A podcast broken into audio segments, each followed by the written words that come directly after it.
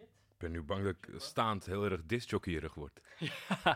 Gaan we nu naar dit momentje luisteren? Ja, goed. We gaan het gewoon staan proberen. Misschien is dat toch goed voor tempo. Ik hoorde dat jullie vorige week gezeten hebben. Ja. Toen- duurde twee uur.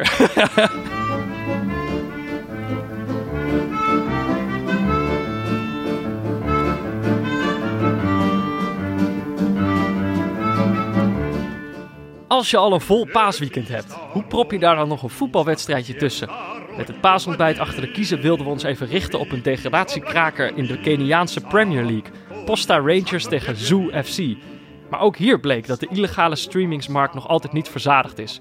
S'avonds laat waagden we nog een poging in Brazilië. In de Campeonato Paulista streden Sao Paulo en Corinthians om het staatskampioenschap. Cafu, Kaká, Julio Baptista, Garincha, Mascherano, Tevez, Rivaldo, Ronaldo, Dida, Roberto Carlos. Allemaal droegen ze ooit het shirt van een van deze twee clubs. Je denkt, bekende voetbalverenigingen. Maar hoe vaak zag je ze nou spelen? Ik tot gisteravond nul keer. Maar wie weet, zagen we op zondagavond wel de nieuwe Julio Baptista opstaan. Vem a bola alta lá na segunda trave, chegou o Ralf, ajeitou de cabeça, olha o desvio! Gol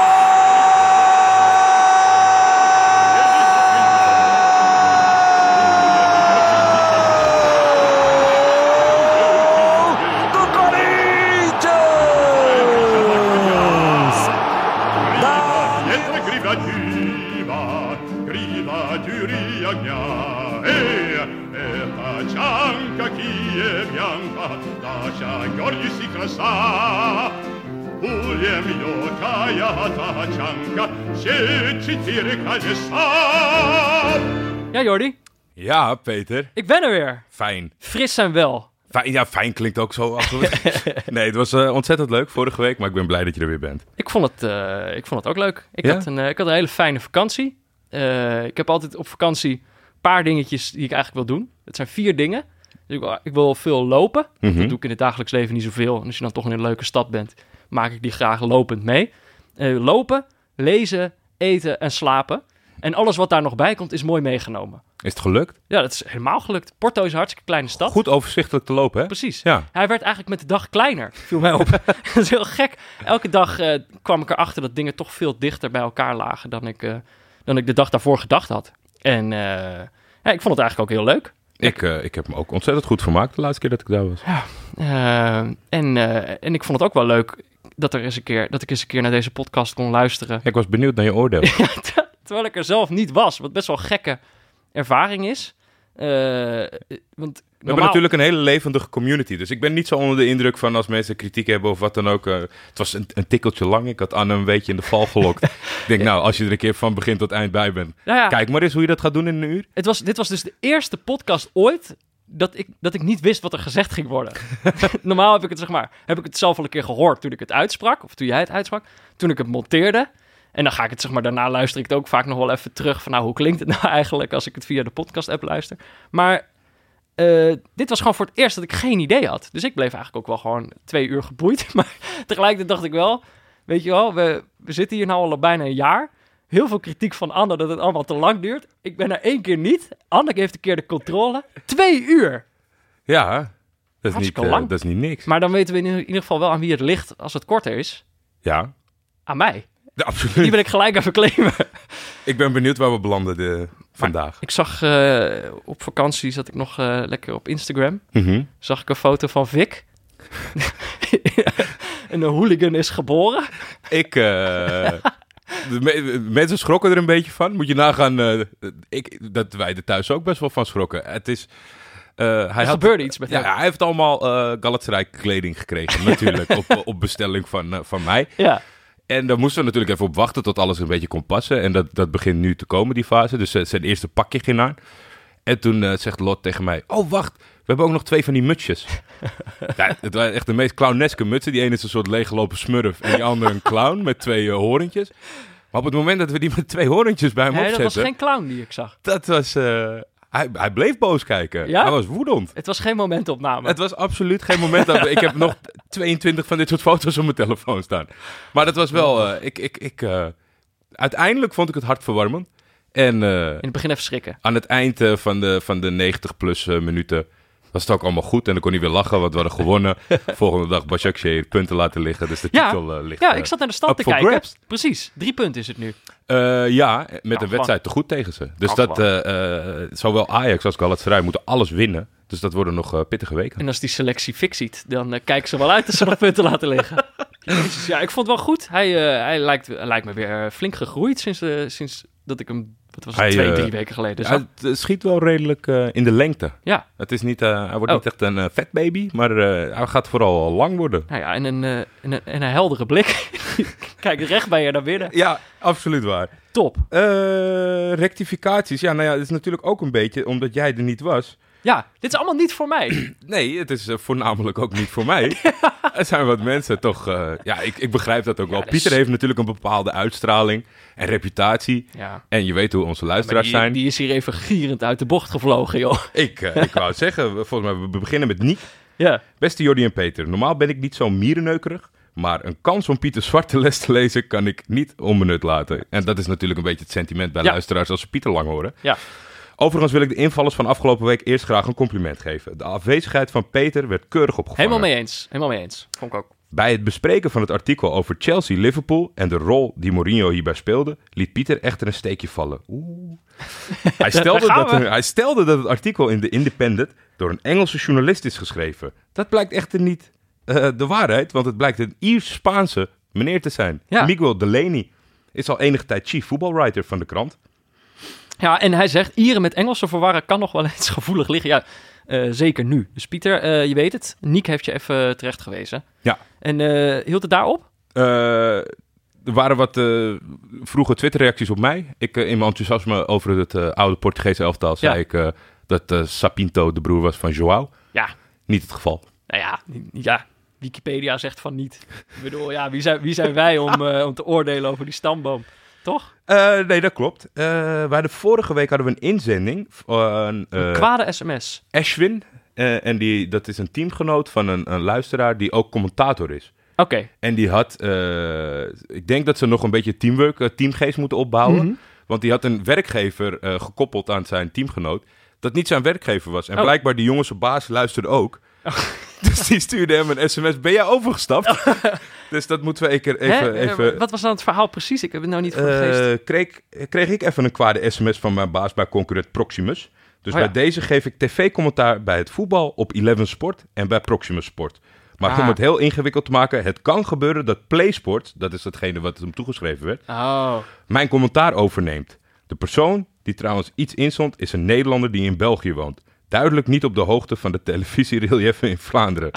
Eigenlijk wil ik jullie niet rectificeren, maar vooral mijn ploeggenoot. Groet, Michael van Varenberg. Freelancer. Ja, dat hij wel Dus- zijn beroep erbij zet. Freelancer is, is denk ik gewoon eh, veiliger, een Maar neutralere naam. Ik ben, hier wel, eh, ik ben hier wel voor als mensen gewoon elkaar gaan rectificeren in onze podcast. En dat, ze, dat ze gewoon ons buiten schot laten. Dat vind ik eigenlijk wel, eh, wel prettig. Voel ik me wel goed bij. En hier was, dit was een vrij lange. Ja, mag, ik, mag ik hem zo ik, ik, ik, eh, ik ontving deze en eh, de, Oh. de eer is aan jou. Maar ik, ik, ik dacht eerst van, dit wordt helemaal niks. Want het onderwerp was, Pieter Zwart is lui. Toen dacht ik van, nou, vind ik niet. Nee, precies. En ik denk, als je zo'n saai onderwerp aan je, aan je e-mail koppelt, dan zal het wel niet veel worden. Nee, precies. Je dacht, het is een Maar- schuiladres van Wim Kieft of zo, weet je. maar eh, nee, Het tegendeel bleek waar, Ja. want Sander van Lubeck ja. had een leuk verhaal. Nou, een behoorlijk lang verhaal, maar we, we gaan ons eraan wagen. Beste Jordi en Peter, met stomheid geslagen was ik door de oproep van Pieter Zwart, die graag zijn interviewverzoek bij Louis van Gaal wil neerleggen en daarvoor de hulp inroept van jullie luisterend publiek. Ik heb, als scribent van het door vrijwilligers gerunde Supporters Magazine, waarin de A en de Z hoofdletters zijn, waardoor je een beetje begrijpt over welke club het gaat, twee keer Louis van Gaal geïnterviewd. De eerste keer was in 2005 in de bouwketen van de Alkmaarderhout. Ik kan me er, er- inhoudelijk niet bijster veel van herinneren, maar wel dat hij aan het begin van het interview een banaantje oppeuzelde en ik de schil nauwgezet volgde toen Louis deze weggooide. Mijn gedachten dwaalden af. Hoeveel zou die bananenschil waard zijn als ik hem uit de prullenbak vis? Ja, Sander, we zullen het nooit weten, want je hebt het niet gedaan. Eh, we deden dit soort interviews altijd met z'n tweeën. En voor mijn gevoel mat mijn maatje Robert Jan zich graag de rol van bad cop aan. Toch was Louis' grootste verbale uithaal aan mijn adres. Op de vraag of hij bezig was met een charme-offensief reageerde hij dat ik een papegaai van de media ben. Een eretitel die ik nog altijd koester. Vier jaar later was Louis aan het afzwaaien bij AZ en hadden we een afspraak voor een afscheidsinterview. Een dag daarvoor ging mijn telefoon. Anoniem stond er in mijn Nokia-schermpje. Met Louis van Gaal opende hij het gesprek met zijn bekende intonatie. Ik zit nog in Portugal. We hebben ons vliegtuig gemist.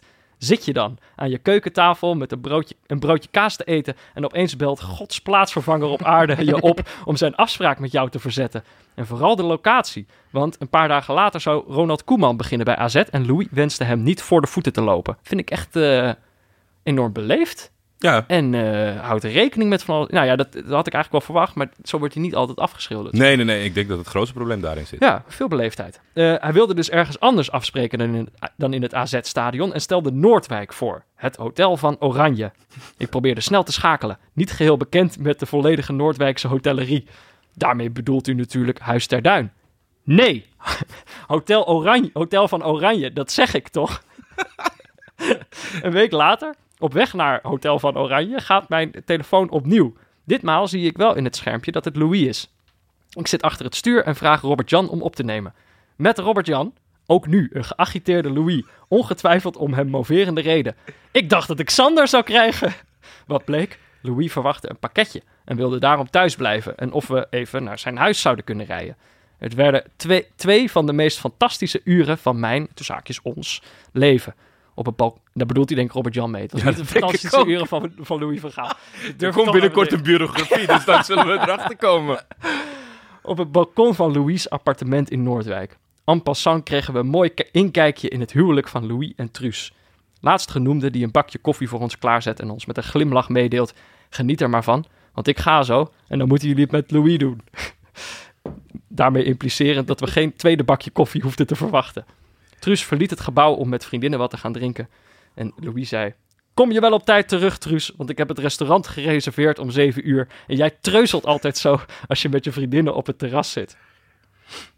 Aan het einde van de twee slopende uren interviewen durfde Robert-Jan het aan. We zaten daar tenslotte toch als supporters en niet als objectieve journalisten. Misschien een beetje een impertinente vraag, maar mag ik met u op de foto? Louis vond het prima, pakte een kammetje uit zijn borstzak om zijn haar in model te doen en deelde mee dat hij het liefst van zijn linkerkant gefotografeerd wilde worden. Hierna zag ik mijn kans schoon en gaf Robert-Jan zijn cameraatje terug en ging zelf naast Louis staan. Louis reageerde als door een adder gebeten. Dit is een kenner. Dit is Sander Ja. Als door een adder gebeten. Louis reageerde: Hoe weet jij dat ik automatisch ook met jou op de foto wil?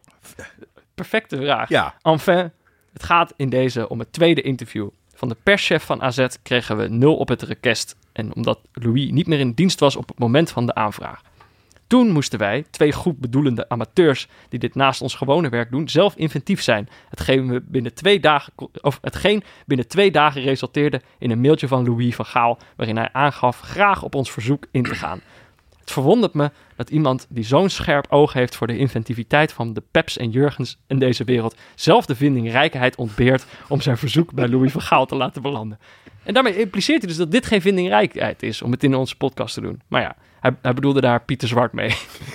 ik ben de eerste om toe te geven dat ik in de, in de journalistiek armetierige oproep van Pieter een mooi voorwendsel zag om wat herinneringen op te halen en met jullie te delen. Maar zo gaat het op feestjes ook vaak. In ieder gesprek is wel een bruggetje richting Louis van Gaal te vinden, zodat ik weer vol trots kan oreren. Met groet, Sander van Lubeck. Nou, Prachtig verhaal, toch? prachtig, ja. Hartstikke leuk. En, En eh, Ik twijfel geen seconde, want bij alles wat hij opschrijft in blokletters om de intonatie van Van Gaal aan te geven en ook wat er daadwerkelijk gezegd wordt, hoor ik het ook gewoon. ja. Nou Vooral ja, die vraag van hoe, waarom denk je dat ik ook automatisch met jou op de foto wil? Zonder dat je het vraagt. Ik denk ook, je kunt hier ook een beetje aan lezen dat, dat Sander dit verhaal al heel veel verteld heeft. Ja, het is, het is, is goed wij, wij, wij hebben de goede versie. De eind, uiteindelijke versie. Maar heel leuk. Ja, Ja, en wat, wat de rest denk ik dat hij suggereert dat als jij een leuk mailtje stuurt naar Louis van Gaal, hij gewoon binnen twee dagen kan zeggen Ja. of hij daar zin in heeft ik, of denk, niet. ik denk eigenlijk, je moet ook niet, je moet juist niet te bang zijn voor die man. Ik snap wel dat het intimiderend is allemaal. Een vriend Ja. van mij kwam hem een keer tegen eh, op het Gelderlandplein en die is daar weken van onder de indruk geweest. Ik, ik heb Louis van Gaal gezien, dus ik snap het wel. Ja. Maar volgens mij is hij veel hartelijker dan, eh, dan iedereen je wil doen geloven. En ik bedoel, hij, probeert, hij zit je wel altijd uit te dagen. Dat is Ja, nou, maar dat is toch leuk? Hey, ja, jij ja, legt hier iets op tafel. Ik wist het, dit is een, lang stukje tekst en mijn gedachten vliegen alle kanten op. Eh, misschien eh, overval ik je er een beetje mee. Maar ja, Nou, je hebt de show nee, van echt. afgelopen week geluisterd. Nou, en ik zal je nog sterker vertellen. Eh, sinds ik terug ben, he- heeft iemand al aan me gevraagd of ik deze intussen... Iemand die ik tegenkwam, die zegt, heb je die, heb je die amandelen al geproefd? Nee, Ja. niet dus. Moet ik dat nu live gaan doen? Ik denk dat het wel is. Ik heb, ze, ik heb het kunnen laten bezinken. Ik wil wel zeggen... Oh ja, oké, ga door. Eh, nou ja, het, het, het overvalde mij enorm vorige week. Ja. En ik heb ook niet... eh, ik zag dit niet aankomen. Eh, mensen een mensen schrokken een beetje van. Van de, de heuse notenoorlog Mhm. die misschien zou kunnen ontstaan. Mhm. Ik, wij hebben hier in de afrondende fase... heb ik eh, zo aan Anne gegeven, aan Pieter gegeven. Ik heb er zelf een vijf, zestal Achterover gedrukt. achterover... eh, je ziet het, het, het zakje is, eh, is, is, is gebruikt. Mhm. Eh, ik heb thuis nog twee, drie genomen om het echt even goed te laten bezinken. Nou ja, een, een luisteraar tweette dat het waarschijnlijk niet zo een ingewikkelde naam had, maar de, de kaneelamandel is. Ja, dat kan heel allemaal. Zo, ja, ik zag op internet iets, iets doorzoeken dat het de kaneel choco amandel is, want er zit nog een chocoladelaag Ja. Daarom herken je die noot ook niet natuurlijk. Weet je, ik moet wel zeggen, je hebt het al over de noodoorlog. Mensen gingen al voorspellen hoe ik, welke kant ik zou kiezen in de noodoorlog. Ja, maar dat is heel belangrijk, want over tien jaar, dus zo- zo kijken mensen altijd terug bij oorlogen waar Ja. jij stond. Ja, Neil Petersen voorspelde alvast dat ik, dat ik wel voor de grote noten zou kiezen. maar natuurlijk niet. Ik ben eh, loyaal aan Sebon voor altijd. Ik heb mijn hart verpand aan de beste notenbar van Amsterdam. Ik ook. Alle, ja, maar dit is natuurlijk. eh, er zijn vestigingen op andere locaties. Niet iedereen is bereid. Er zijn wel inmiddels een heleboel mensen bereid. Waar ze ook wonen om naar Sebon te gaan. en daar hun noten te kopen. Hey, eh, je, krijgt nog steeds, eh, je krijgt nog steeds neutrale kijkerskorting, hè? ja, Mijn, eh, mijn, tante, mijn tante kwam daar ook nog achter. Die werd gevraagd of ze, of ze mijn tante was. Toen moest ze dat bevestigend ant- beantwoorden. maar dat is ook wel een beetje het plus-plus van Sebon. Dat ze waarschijnlijk Ja, weten hoe jouw tante heet. Precies. En daarom 1 plus 1. En dat is mijn natuurlijk tante woont daar in de straat. het mooiste van, Ja. van een stukje klantcontact. Daarom. Maar Ik wil het toch proberen. het was natuurlijk de tabaksnotenbar. Met dezelfde tagline als Sebon Hey, eronder. Weet je, weet je wat we gaan doen? nou, We, we hebben deze, wedstrijd, deze week eh, natuurlijk een wedstrijd gekeken. Ja. De Campeonato Paulista. eh, zei ik al in de, in de, in de intro. Eh, de kampioenswedstrijd tussen Corinthians en Sao Paulo. Dat was hartstikke leuk. Was mijn potje wel. Maar ik dacht, als ik nou een nootje probeer... dan gaan we ondertussen naar een woordje van de sponsor.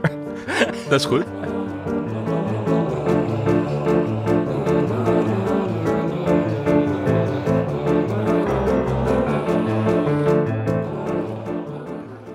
Ja, onze sponsor is natuurlijk Auto.nl en eh, daarom eh, mogen wij van hun elke week de titel eh, Auto.nl Speler van de Week uitreiken. Een titel die nog niet heel populair is, Jordi. Er heerst een, De, de, de profvoetballers zitten nu met knikkende knieën te luisteren van De- wie heeft die nou weer er uitgekozen. heerst een vloek. We hebben, we hebben nu twee Auto.nl Spelers van de Ja. Week uitgekozen. En Atem Ben Arfa, die heeft sindsdien één punt gepakt. Twee keer verloren en een 0-0. En zelf geen enkele bijdrage meer gehad. En Joao Felix, die werd eh, met Benfica na zijn Hosanna-week uitgeschakeld. In combinatie met een gigantisch buitenspeldoelpunt. Maar in de Europa League is geen VAR. ja, nee, er is dus een, eh, er is een vloek. Dus eh, Eventueel, we kunnen het deze week gaan testen. Want het is iemand geworden met, die, die ontzettend in vorm is. En dat eigenlijk een soort van altijd is als dat nodig is. En dat is Ayozi Perez van Newcastle United. Ja. Geen groot fan van de voetbalbeleving van Rafa Benitez. Nee. Maar met, met weinig of, of ja, middelmatige middelen. gewoon een beroerde selectie. Ja, wel een beroerde selectie. En hij, probeert er het beste van te maken. En Ayozi Perez is een aantal jaar geleden daar naartoe gekomen. Van het eiland Tenerife. Als groot talent. En, en over het algemeen doen eh, zelfs middelmatige Spanjaarden het fantastisch in Engeland. Zie Swansea City eh, toen dat hartstikke goed ging. ja. En bij Ayozi kwam het er niet helemaal lekker uit. Hij kan in de spits, hij kan aan de zijkanten. Scoort niet zo heel veel, assist niet zo heel veel. En ja, het is bij hem alles of niks. Als hij het niet op zijn heupen heeft, dan, dan kan je echt goed irriteren aan hem. Maar ik kan me inderdaad nog herinneren, vorig Of jaar in de ontknoping van de... Ah joh, kan mij het schelen. Het interesseert me echt niks. Maar ik kan me nog herinneren dat eh, eh, vorig jaar in de ontknoping van de Premier League... hij ook op cruciale Ja, momenten het, aan het en, scoren en, was. en nu, nu is het eh, dit seizoen tegen echt concurrenten. Dus nog belangrijker. Maar toen hadden ze ook de punt hard nodig. Toen heeft hij een reeks gehad volgens mij met drie wedstrijden waarin hij drie keer scoorde. Waarin Newcastle drie keer won. En ook dit seizoen lijkt hij eigenlijk eigenhandig Newcastle te gaan redden. Is misschien een groot woord omdat ze niet onder de streep stonden. Maar ze staan nu wel op een lekker afstandje. Ze wonnen dit weekend van eh, Southampton. Ja. Met een hat van hem. En vorige week maakte hij de winnende tegen Leicester. Nou, hij is, eh, hij is lekker in vorm. Maar wel grappig dat hij dat altijd in de ontknoping van een, eh, van een seizoen is. Je hebt ook spelers die juist dan afhaken. Ja. Clubs die dan afhaken. Maar hij staat er dus wel Maar op. het is wel een, moeilijke situatie, zo'n Ayozi Perez. Want wat doe je ermee? Als iemand zich elk jaar bewijst in die ontknopingsfase, moet je hem daarvoor dan gewoon niet gebruiken. Maar ik denk dat je dan niet in de vorm Ik komt. stel jou in april wel op. maar ik, ik hoorde ook suggesties dat hij vooral goed is gaan voetballen nu die Almiron er in de, in de winter bijgekomen is in de aanval. Ja, natuurlijk, journalisten zoeken naar redenen Ja. van zijn succes. Maar vorig jaar was Almiron er ook niet. Ik snap wel dat hij Ja, is een hele goede voetballer, dus die heeft wel een bijdrage. Maar ja, Ayozi Perez, ik, ik hoop niet dat ik nu ineens Newcastle een degradatie toespreek, maar hij is de speler van de week. Ja, de Auto.nl speler van de week. Weet je waar het me ook een beetje aan doet denken, eh, Nou. Jordi? Ja, het doet me ook wel denken aan Auto.nl eigenlijk. Ja, het is heel toevallig. Maar eh, kijk, je hebt daar natuurlijk die regeling. Je, je kunt een auto kopen online. Ja. Maar zoals je bijvoorbeeld ook met, met schoenen kan doen die je online bestelt. Nou, st- stel ze passen niet of zo, stuur ze terug. Ja. Kan je met die auto ook doen. Mag je binnen, 14 dagen. binnen 14 dagen, dus niet na 14 dagen. Binnen 14 dagen mag je nog zeggen van ja, ik weet niet... eh, Je mag in die 14 dagen niet meer dan 500 kilometer rijden. Nee. Want ik wilde hem al kopen voor de vakantie. Maar je, inderdaad, je mag niet meer dan 500 kilometer rijden. Je mag er geen hond in vervoeren. Geen dan- frietjes. Geen frietjes en geen kerstboom volgens mij. Dat zijn dan de regels. Maar verder mag je gewoon, dus mag je binnen 14 dagen, als je dat allemaal niet doet, mag je nog zeggen van ja, weet je, ik hoef hem toch niet. Maar, weet je, soms heeft iets ook gewoon een beetje tijd nodig. Ja, Misschien is jouw auto wel gewoon een Ayosi Perez. Weet je wel, heeft hij gewoon even... de tijd nodig. Precies, dan komt hij pas aan het einde van het seizoen in vorm. Ja, en dat is dus echt een Auto.nl speler van de week, denk ik. eh, naar mijn idee. Toch? Ja, ik, Klinkt ook een beetje als een auto, vind ik. ja? Toch? Een Nissan Ayosi. een Citroën Perez. ja ik, ik, ik, ik zou het zo geloven. Ik heb er weinig verstand van, dus ik geloof meteen dat dit de twee nieuwste edities zijn. Peter? Ja, ik heb het eh, nootje inmiddels op. Mhm. Eh, moet ik nou direct een oordeel geven? Nou ja, ik weet niet zo goed wat... eh, Ik heb wel een oordeel hoor. ja, dat, dat snap ik, maar ik, waar, moeten we naartoe, waar moeten we naartoe met het oordeel? Ja, nee, ja, goed- nee, het is geen- Het is niet een vergelijkend onderzoek. Dan had je ho honing pekannoten moeten opsturen, Ja. denk ik. Nou nee, maar dat, dat is ook mijn oordeel. Gebeurt, met deze noot gebeurt gewoon veel te veel. Ja, hè? De naam zegt het al. Cho- Choco, kaneel, amandelen. Ja, het is te veel. En honing pecan, dat gewoon, zijn twee dingetjes. Het is een eh, tot in de puntjes verfijnde noot. Ja, en eh, kijk, tabak, als jullie zoiets hebben, stuur het gerust op. En, eh, maar ik wil in ieder geval wel zeggen dat het wat mij betreft geen oorlog is. Nee, Sebon- oh nee, zeker niet. Sebon is de, de OG, Ja, zeggen de, zeggen de mensen op, eh, op straat. Ik eh, kom daar niet zo vaak, maar eh, nou ja, ik, ik, ik zit wel eens op de fiets en dan hoor ik dat. ik was bij deze heel erg bang dat als je de vijf tegelijk in je mond doet, dat je zo'n cinnamon challenge krijgt. Ja. Dat je, Dat je keihard begint te hoesten. Nou ja, dat, dat kan nee, inderdaad ik, ook. ik, ik denk wel kwalitatief. Mensen, als je om de hoek woont, ga er een keer naartoe. ja, maar ja, joh, ik, ik, ik raad het niet af, Nee, maar ik zou misschien gaan voor een iets simpelere noot. Ik ben toch wel voor de iets... eh, hij is druk. hij is, er gebeurt te veel. Er gebeurt te veel. Eh, over te veel... Weet je waar niks gebeurt? Weet je waar niks gebeurde? Nou ja, we- we- zoals ik in de intro ook al zei, eh, druk paasweekend. Ik had eigenlijk, zat mijn hele weekend vol, dus dan Klopt. gaan wij een beetje puzzelen. Zo van, nou wanneer hebben we tijd? En dan gewoon kijken welke wedstrijden zijn er dan. Dan is het voordeel dat wij openstaan voor alles. Ja, Want dan kan je ook s'nachts kijken, dan kan je ook 's ochtends kijken. we hebben al, en ook qua competitie staan we open voor alles. We hebben de gekste dingen gezien inmiddels. Ik kreeg ontzettend veel zin van Posta Rangers tegen Sioux. Ja. Kericho. En dat, eh, dat is eh, in de, een degradatiekraker was dat in de, in de Keniaanse competitie. Keniaanse Premier League, ja. Ik ken een eh, Afrika-expert, dat is Bilal Soufiani. Mhm. En ik zeg, Bilal, wordt dit gestreamd? Hij zegt, vaak wel. Ja. Ik zeg maar, als het ergens te streamen is, dan is het hier. 99% en je weet Ja, het maar, linkie. je weet het maar een, een half uur maximaal voor de wedstrijd. ja. Nou ja, paasontbijtje, fik blij. Ik We hadden ons laptop, nog eh, vergist in de tijd.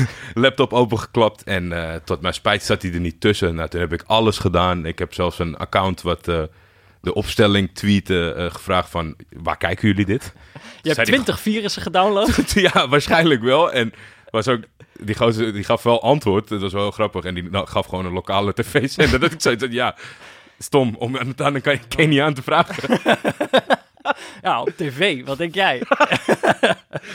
Maar helaas hebben we dat niet kunnen zien. Posta Ja. Rangers won overigens wel met 2-0. En eh, staat daardoor iets, eh, er iets beter voor. ik toch jammer. Ik had op basis van de naam meer... eh, toch lag mijn hart toch meer bij Zoo Bij FC. Ja, tuurlijk. Nou ja, jammer dat we die niet gezien hebben. Wie weet komt het er ooit nog van. Maar die avond... Moesten we doorschakelen? Braziliaanse competitie. Ja, het, het voelt minder vreemd. Ja. Toch? Omdat je Brazilië echt al ziet als een groot voetballand. Dus het voelt niet per se als, als een hele stretch om dan die competitie te gaan kijken. Het was een wedstrijd in, de, in het staatskampioenschap. Ja, Ik de- weet niet precies hoe die competities daar werken, maar ze hebben er eigenlijk twee, toch? Ja. Een landskampioenschap Ja, de Serie A. Ja, en, eh, en, en ze hebben heel veel staten. En iedere staat heeft dan een eigen kampioenschap. Ja, en daar, daar doen eh, echt een, een heel breed scala aan teams aan mee. Ja, Eh, Van eh, niet zo goed tot de beste van Brazilië. Dus dat, dat, zorgt voor hele gekke resultaten in de voorbeschouwing. ja. Of in, de, in, in, in dit voorseizoen. Daarom scoren Braziliaanse talenten altijd zoveel. Altijd heel veel. Ja. En daarna gaan ze over in, een- in, een, in, een, een bracket systeem met uit- en thuiswedstrijden. De, de, de thuiswedstrijd voor Sao Paulo was 0-0 geworden. Dat beloofde veel. Ja, twee legs hebben ze een finale om het staatskampioenschap. Ja. En dat waren nu dus Corinthians tegen Sao Paulo. Wij schakelden in en ik was eh, blij verrast met het zien van de tribunes. Want het was echt één groot volksfeest. En Ja. Dat is natuurlijk wel wat je veel ziet in, in, in Zuid-Amerika. Maar ja, dat kan, kunnen momentopnames zijn of, of krakers, weet je. Dat zie je altijd maar in een kort filmpje Ja, maar wel komen. Kijk, soms als we naar de Oostenrijkse degradatie vol zitten te kijken, dan denk ik, ja, er hebben gewoon meer mensen naar onze, naar onze podcast geluisterd dan dat de mensen überhaupt weten dat die wedstrijd bestaat. Dat is geen leugen. Dat is gewoon... Maar, eh, ehm, maar dit is natuurlijk echt... Nou ja, het zijn ook gewoon twee eh, grote namen. Weet je wel, Zeker. binnen de eh, Corinthians is zeven keer landskampioen geweest. Dus niet in de, deze staatscompetitie, maar in die totale competitie. Wel waarvan twee keer in de laatste vijf jaar. Dus het is wel een beetje een club van de laatste tijd. En Sao Paulo is dan van, de- eh, is dat zes keer geweest, landskampioen.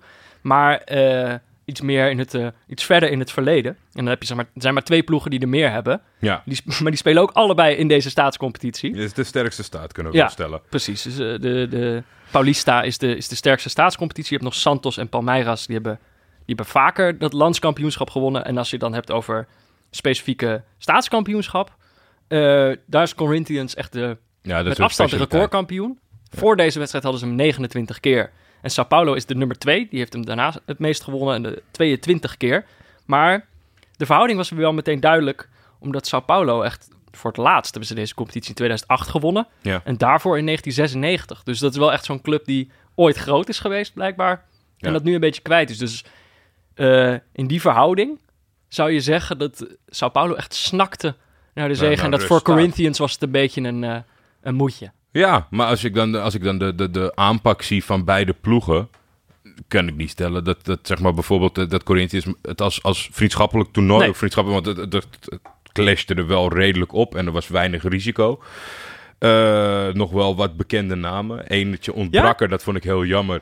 Alexandro Pato, die, eh, die heeft Zit hij in een selecties? Die zit bij Sao Paulo, maar die zat er nog niet bij.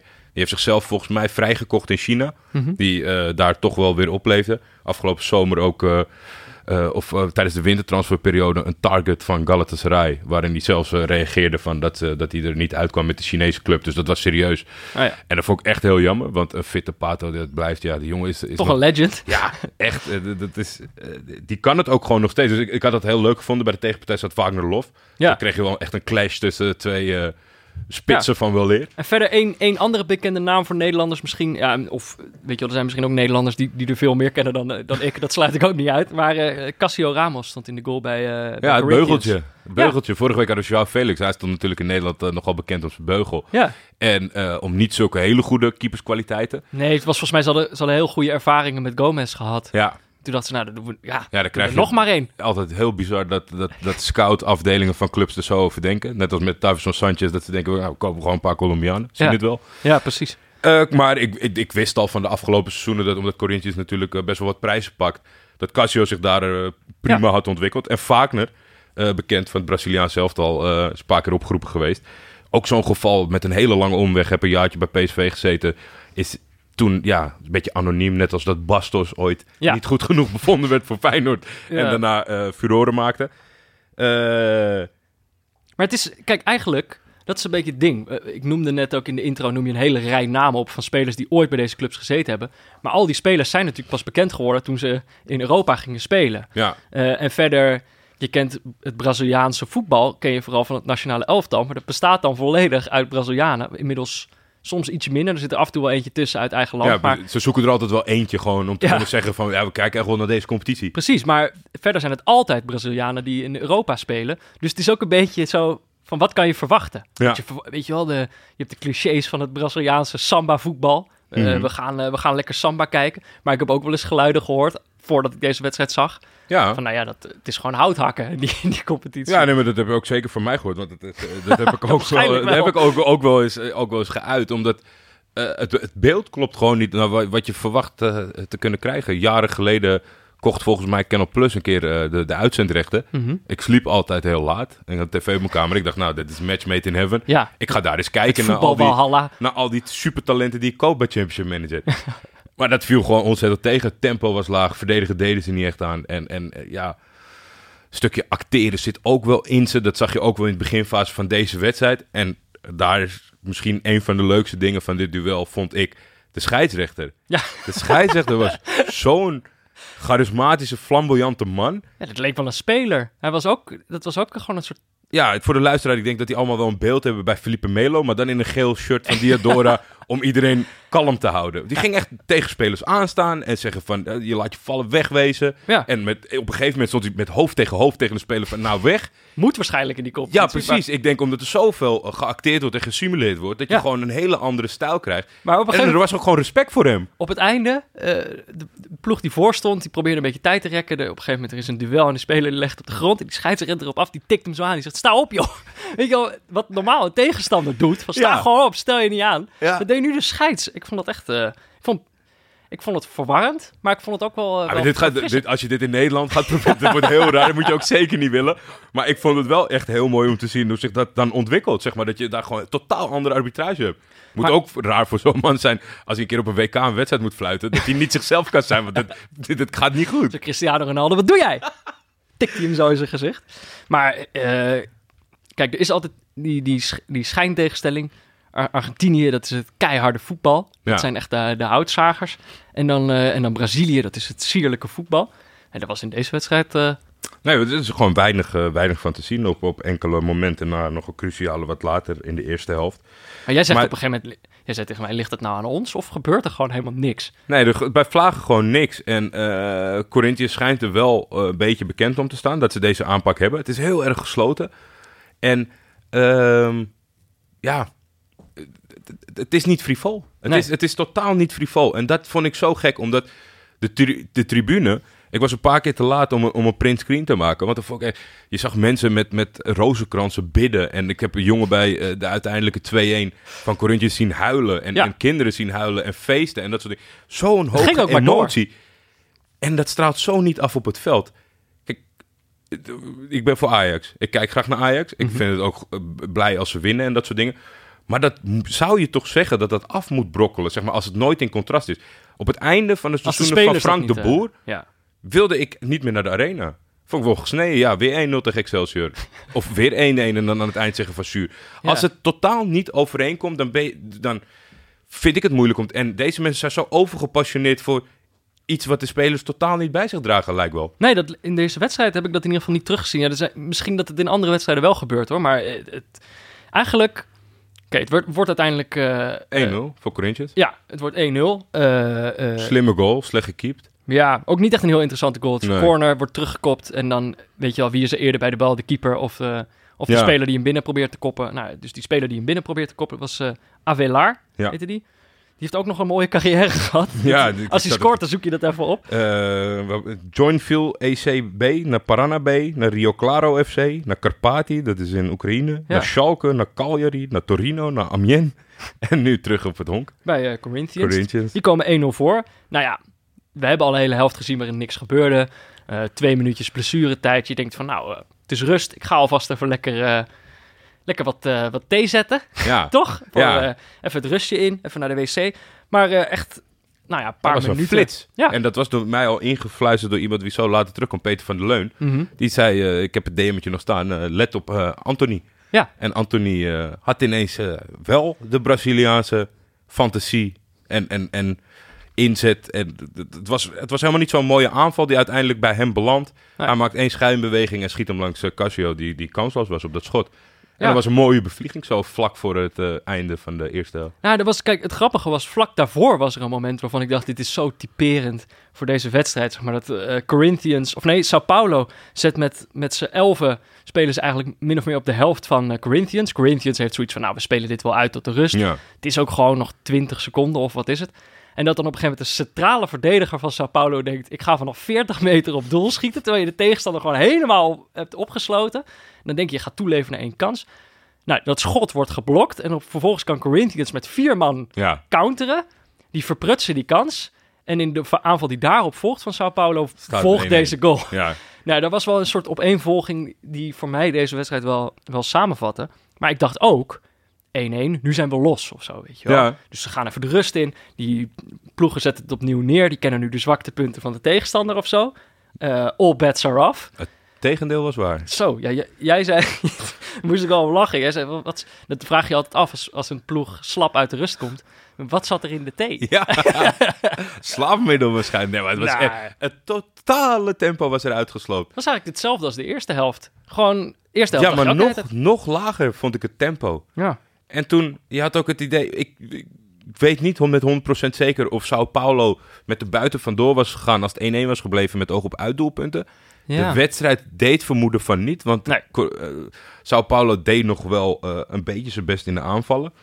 Alleen, eh, Maar ik zei op een gegeven moment tijdens die helft had ik al zoiets van, nou ja, prima dat het nu zo saai is als het maar zeg maar net zo'n einde heeft als het Ja. einde van die eerste helft. En dat werd ingelost. dat werd wel ingelost voor een, voor een echt goed oordeel te laat. Ja. Maar die paar, vooral de blessuretijd, minuten die we er daar nog bij kregen, was wel fantastisch. Wagner Love was ingevallen. Ja, geweldig. Zonder blauwe dreads. Zonder blauwe dreads, maar nog altijd sluw. Hij heeft zijn streken nog steeds. Ja, nee, maar ja, ja, je- Wat een spits. Het is moeilijk om er wat anders eh, van te zeggen. Want ja, het is natuurlijk een fantastische bal. De centrale verdediger van Sao Paulo is, nou ja, geen idee wat hij zag. Misschien riep iemand op de tribune. Ja. Want Wagner loopt weg naar links en hij loopt weg naar rechts. Maar hij krijgt een hoge bal van achter eigenlijk. Ja, ja. En, eh, en Hij is- ja, we hem prachtig af vanuit de lucht. En daarna, ja, dan krijg je een fase waarin Sao Paulo moet. Ja. En, en dat was gewoon wel nog leuk om naar te kijken. En Ja. was er nog een, ja, nog een historisch, Iedereen werd helemaal gek. historisch slecht uitgespeelde counter van, eh van Corinthians. Niet normaal. Gewoon niet willen afspelen en dan maar tegen de keeper aan Echt wel een beetje raar. Maar eh, ja, ik, wat ik dan zo raar vind, dat hebben we hier al vaker gezegd, dan gewoon twee ploegen samen lijken te hebben besloten dat ze gewoon de hele wedstrijd niks gaan doen. En dan zeg maar in de slotfase opeens helemaal gek worden. Ja, Dus dan in het slotoffensief opeens allemaal rare dingen doen, terwijl je daarvoor ge- gewoon geen enkel risico genomen hebt. nee. Maar goed, eh, Maar ik denk dat daar ook wel een beetje een stukje van het probleem zit. Omdat ik, ik, dicht, ik dicht het verschil toe aan, aan, aan trainersinstructie.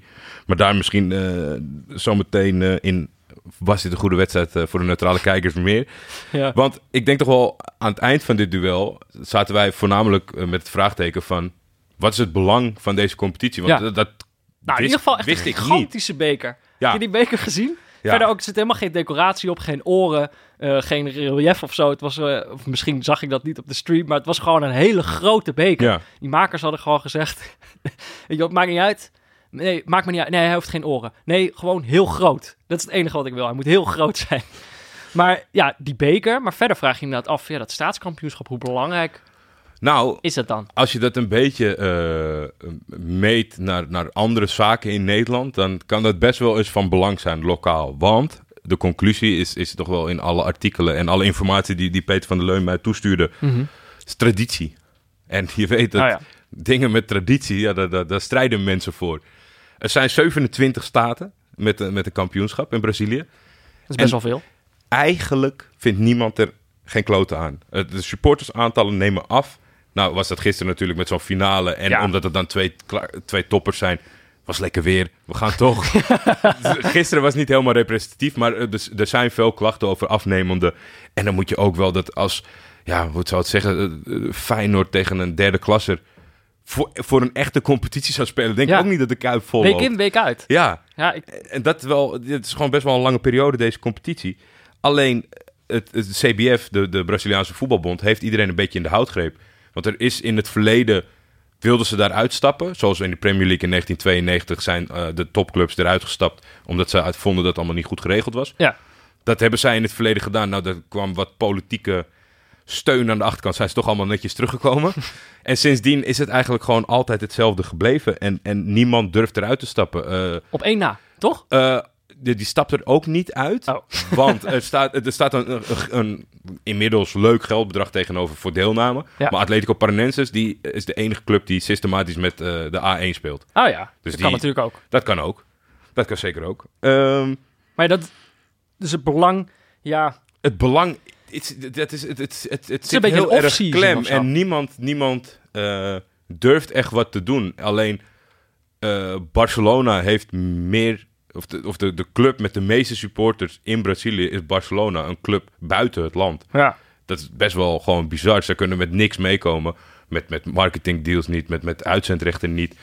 En daar moet gewoon een reorganisatie plaatsvinden die de bond niet wil. En niemand durft. Dus dat, dat, Dit blijft zo. ja, je zou toch zeggen dat die topclubs zeggen met elkaar van dat zijn de, nou, we hebben het al over gehad, de recordkampioenen en, en met zo'n achterban, die moeten toch met z'n allen zeggen van jongens, wij gaan gewoon een reguliere competitie starten met elkaar en dan zien Ja. we het maar, want uiteindelijk buigt zo'n federatie dan toch wel, wat willen ze doen? Ja, nee, dat, dat is denk ik ook zo. Maar het, het is denk ik eerder, ik probeer toch nog iets, bijna nog een soort pre te bedenken. Weet je wel, misschien is het voor die kleine clubjes wel hartstikke leuk om, om afgemaakt te worden met 12-0. Ja, Dat weet ik niet. Ja, maar misschien hebben, hechten die er ook wel heel veel waarde aan. En is dat meer traditionele, zo van dat je, net zoals dat ze in Engeland wel hebben, dat je de een hele piramide hebt. De, ja, of dat je gewoon Zo altijd je- door kan stromen. Ja. voor, Dus- voor de droom. Misschien zit zoiets erin, dat weet ik niet. Maar eh, Ja, Peter sluit af en dan, dan zal ik mijn afsluiting geven. Dat gezegd hebbende, alles behalve positief voor een fan van het Braziliaanse clubvoetbal, kan ik iedereen aanraden eens een wedstrijd mee te pakken in de reguliere competitie. Je Ja. ziet vaak dingen die op de Europese competitievelden niet meer kunnen. Denk aan een luie nummer 10, type George Valdivia van vorige week. Een buitenspeler met meer passeerbeweging dan succesvolle passes en heerlijke onbeschaafde opstootjes met veel rode kaarten tot gevolg. dus, Ja, jouw oordeel, was dit een goede wedstrijd voor de neutrale kijker? het probleem wat ik, wat ik met deze competitie heb, en dat is waarom ik het toedicht aan de trainers, is dat deze, deze je ziet gewoon gedurende deze, dit zijn jongens die met zoveel talent worden geboren. En meestal niet in de allerbeste omstandigheden. Dus die zijn fantasierijk, die zijn brutaal. En als jij als trainer dat consequent en bijna alle ploegen tegengaat om, om, om ja, ik denk Europees voetbal na te streven of wat dan ook dat gevoel kreeg ik er een beetje bij, ja. het wordt er echt uitgesloopt. Dat kan bijna niet anders. Want ja, en, en dat frustreert mij tijdens het kijken, omdat ik weet wat, wat de mogelijkheden zijn. Vooral van, de, van het aanvallende gedeelte van het Ja. veld. In ieder geval voor de neutrale er- kijker zou het veel gewoon. leuker zijn als zij... Als we gewoon een trainer hebben die zegt: jongens, ga de wei in. als je het zelf maar leuk hebt. Of maak, de, maak het publiek trots. Dat zou, al, dat zou al een goede instelling zijn, denk ik, bij de wedstrijd zoals gisteren. Want als jij die atmosfeer toch kan afsluiten omdat de trainer zegt... hey, hey, hey, hey, wel dicht bij elkaar blijven, hè? dicht houden, driehoekjes maken. Ja, dat, eh, dat eh, vind ik zonde. Dus ik heb een stukje frustratie bij Ja. dit eh, duel. Over driehoekjes maken gesproken. Pieter Zwart. Eh, nou is een keer niet hier. Dus nou heeft hij weer een minuutje. Nou heeft hij niet twee uur om zijn, om woordje te doen. Kijk een pressing. Kijk een pressing. Als ik dit opneem is het tweede paasdag. De dag dat normale mensen langs de woonboulevard gaan. Of met familie dineren. Of weet ik veel wat normale mensen doen in een lang weekend. Ik werk namelijk bij VI. En daar is paasmaandag gewoon maandag. En op maandag ronden we een blad af. Dus nu ook. Mijn enige voordeel... Afdelingen als marketing, sales en development, waar de normale mensen werken, zijn wel vrij. En dat is prettig. Want sinds mijn aanval op de product owner van vorige week ben ik mijn leven tussen hen niet zeker. Terwijl ik veilig in Porto zat, werd onder de hashtags Team Thierry en Je suis Thierry een revolte opgestart. Agile werken is blijkbaar voor developers wat Ajax is voor Sjaak Zwart. Daarom wil ik deze paasmaandag aangrijpen voor een nieuwe start. Door te zeggen, sorry Thierry, neem alle tijd die je nodig hebt voor de spike op de backlog over search. De watervalmethode is namelijk ook niet alles. Kijk een pressing. Kijk een pressing. Ik moet zeggen, ik vond wel echt... eh, ik moest dus opeens in een minuutje van jou. Dat Ja, is hartstikke moeilijk. ja zeker als je kort. de hele Portugese keuken erbij gaat halen. Dat is hartstikke moeilijk. Verder nog wat leuks. Ja, Jordi, er is verder nog wat leuks. Vertel, Peter. Ehm, verjaardagen natuurlijk ga je altijd mensen feliciteren. Mhm. En het, le- het leuke nieuws is, ja, vandaag is mijn zus jarig. Oh, gefeliciteerd. Als we dit opnemen, dus eh, 22 april, mijn zus is 29 geworden. Hartelijk gefeliciteerd. Hartelijk Dat is hartstikke leuk. Ik kom er net vandaan. rechtstreeks. Oké. Ehm, maar er is nog iemand jarig eh, op 22 april. Eh, namelijk niemand minder dan eh, Mark van Bommel. Oh jee, Nou ja, en dat is natuurlijk een vriend van de show. Toch? Dat daar is kunnen we wel dol op stellen zijn. inmiddels, toch? Het is zo'n sympathieke man. Daar ben ik zo dol op. Ja, die, eh, die feliciteer ik natuurlijk van harte. En ik denk ook... ook eh, kijk, hij Mooie is, nu, hij is er nu ook niet bij. Maar Anne van Dag en Nacht Media, ja, die, ook, ook hij feliciteert jou echt vanuit het eh, diepst van zijn hart. Toch? Volgens mij kreeg ik net nog een app binnen met vergeet eh, Van Bommel niet. Precies, Nou ja, kijk Anne, eh, bij deze, we zijn hem niet vergeten. Maar kijk, we nemen dit natuurlijk altijd op maandag op. Mhm. Maar mensen kunnen dit pas op dinsdag luisteren. Dus dan moeten we ook hebben wie, op dan, wie er dan jarig zijn. Ja. Bar weinig mensen. Maar wat ik wel vond op 23 april... is de Turkse voetbalbond jarig, Jordi. Dat gedrocht. 96 zijn ze geworden. Ja, Kijk, de meesten hebben een lagere IQ die daar werkzaam zijn. Maar dat terzijde. maar wel hartstikke goed dat jullie ooit een competitie zijn begonnen. Ja, Nee, dat is eh, natuurlijk eh, de, de aardsvijand.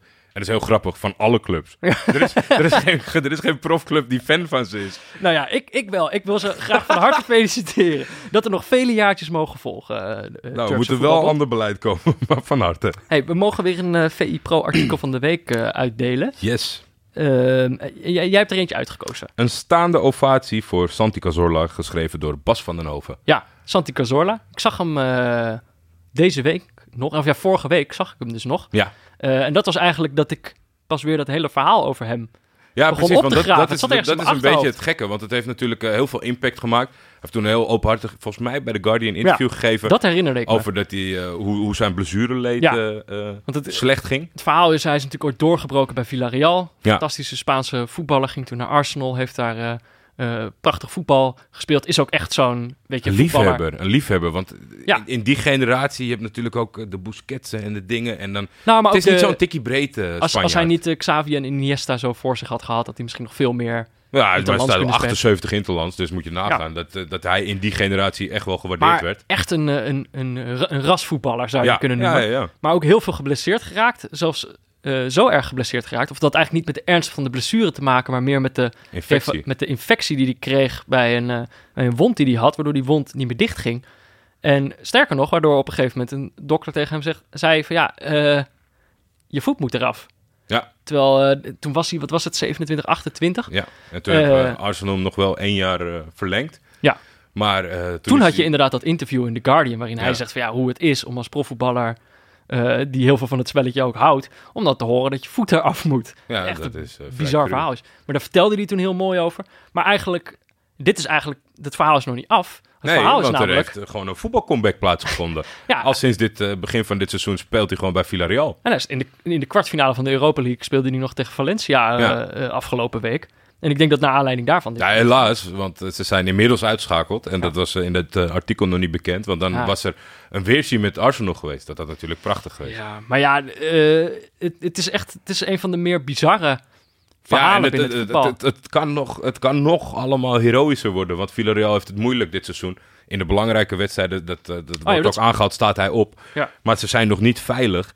En als hij daar toch een, een, een aandeel aan zou kunnen hebben. Vrij recent eh, miste hij een penalty.